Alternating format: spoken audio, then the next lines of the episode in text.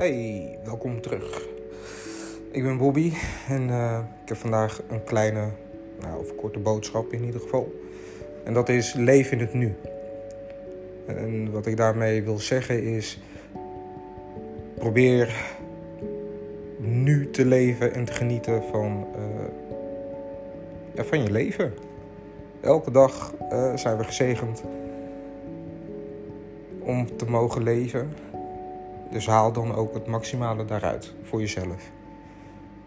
Wat ik heb ervaren is dat uh, ik in het nu kan en mag leven. En dat heeft mij uh, ver gebracht in mijn mentale proces.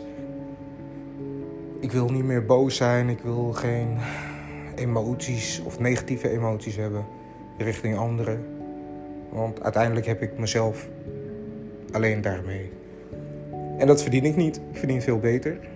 En de space waarin ik nu zit maakt mij gelukkig. En ik ben happy. En ik ben vrolijk.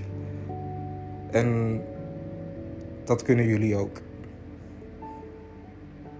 Ook jij kan je zo voelen uh, hoe ik mij op dit moment voel. Dus eigenlijk, eh, boodschap is: leef vandaag, elke dag. Als je morgen wakker wordt, uh, tover een glimlach op je gezicht voor jezelf. Uh, en bedank het universum, God of wie je wil bedanken dat je wakker mag worden. Gewoon doen.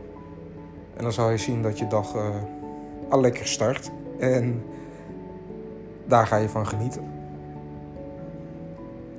Leef in het nu. Morgen is niet gegeven. Gisteren is al, ja, bestaat al niet meer. Het enige wat we hebben is nu. Dit moment. Dus koester het, geniet ervan. En lach.